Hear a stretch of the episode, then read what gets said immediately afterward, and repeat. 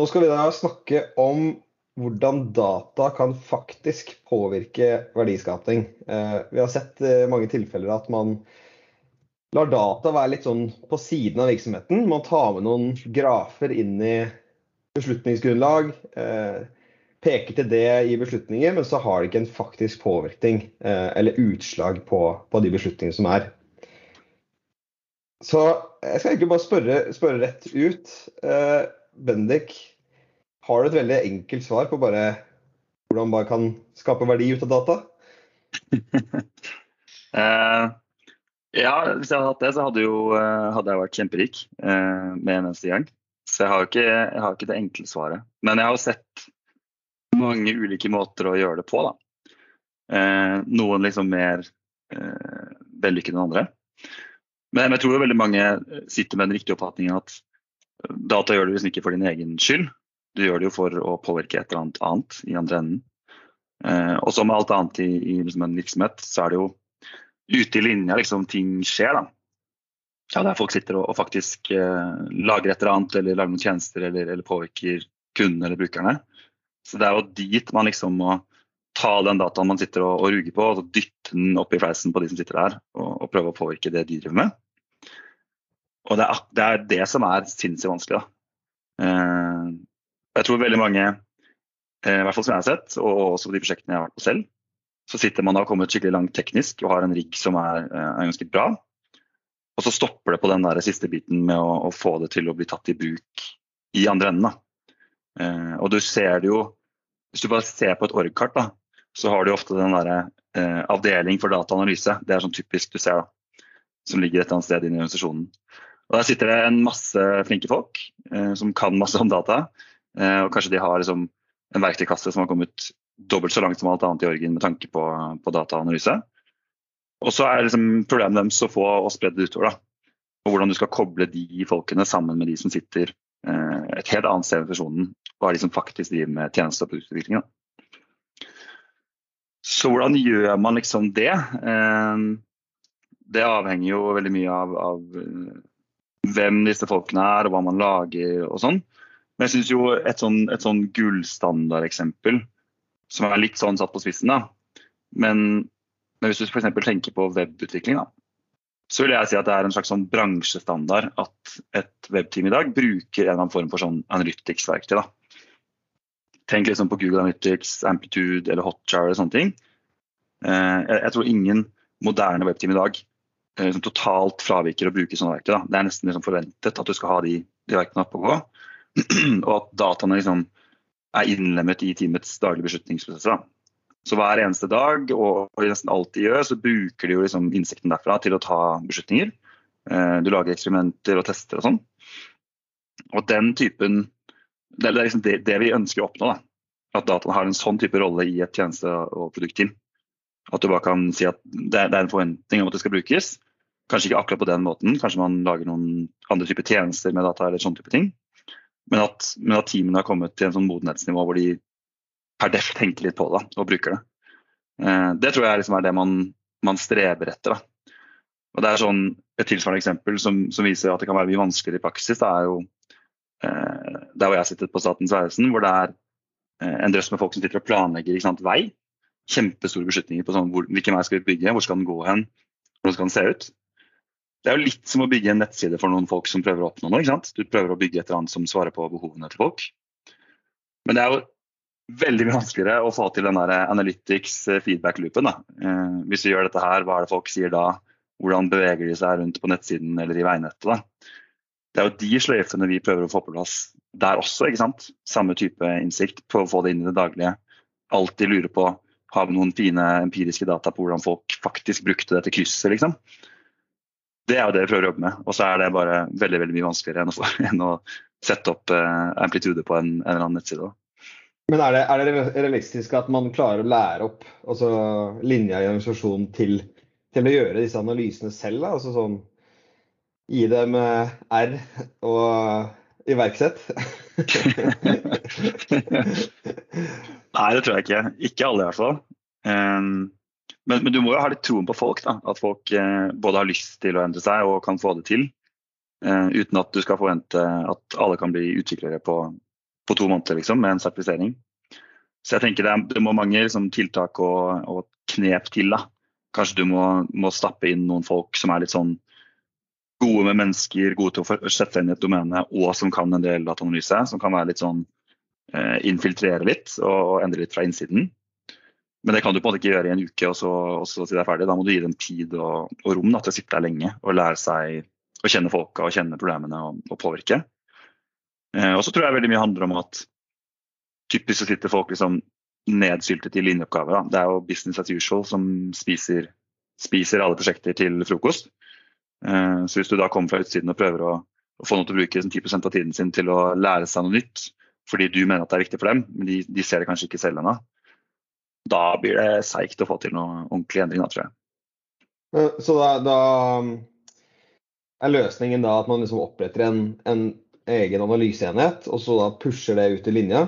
Og så på sikt så får man til en endring i mindset og, og tar inn data. Er det det som måte, er oppsummeringen da? Ja, det er en måte å gjøre det på. Start, i hvert fall, tenker jeg. Um, det er mange som starter med akkurat det du sier nå, egentlig, data- og analyseteam, for å nettopp måtte ta, ta, i bruk dataen, komme i gang, og så pushe, pushe det ut i linja. Um, men der tror jeg både jeg og Bendik har kjent på at det er definitivt er å starte, men det er en vanskelig prosess da, å få det ut i linja til slutt og faktisk ta i bruk dataen i, i det hverdagen, rett og slett. Uh, men jeg tror jeg litt ligger i det Bendik snakker om, det med måte, data som produkt, hvis jeg kan kalle det. Um, det er mange som, altså, det å ta i bruk et nytt produkt tar jo tid. Det å skape endring hos folk.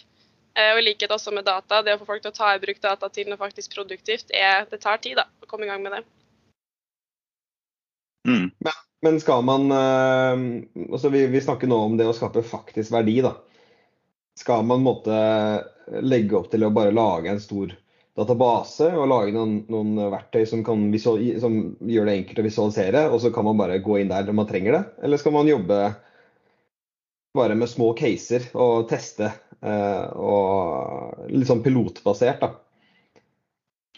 Jeg tror man har gått, altså det, det første du snakker om, det er jo litt sånn Eh, noen brukte det som approach da datalake eh, var det eneste liksom, store og viktige som alle tenkte på.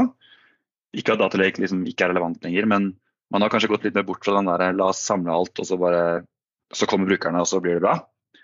Eh, det er i hvert fall ikke sånn jeg tror det burde gjøre det. Jeg tror man bør begynne mye mye mindre. Og faktisk ha en helt konkret formening om sånn, hva er det vi skal ende opp med eh, helt i andre enden, ute hos kunden eller sluttbrukeren eller hvem den er. da og så jobbe seg opp til å kun løse akkurat det problemet i første omgang. Mm. Og så løser du mange nok sånne bitte små biter av gangen, så, så vil du etter hvert liksom oppsamle en del sånn eh, datasett og, og, dataprodukter i lys av det. Da. Og det er de du ønsker liksom, lage gjenbrukbare, da, så de kan brukes etterpå. Men den der eh, 'if you build it, they will come', den, den stemmer så ekstremt dårlig. da. Den stemmer kanskje enda dårligere på data ofte. fordi det er, det er liksom fryktelig vanskelig å bare hoppe inn i en eh, enorm analyse- eller databasehub og finne det du trenger. Da. Det kan være vanskelig selv for folk som kjenner det godt fra innsiden. Liksom. Så det er ikke noe å tro på. Men den der use case-approachen har jo sine egne utfordringer. Da. Det er jo ikke sant, nok en gang, da, så, så, klarer du ikke å gjøre det greiene der hvis ikke du har med deg folk som, som sitter på de problemene.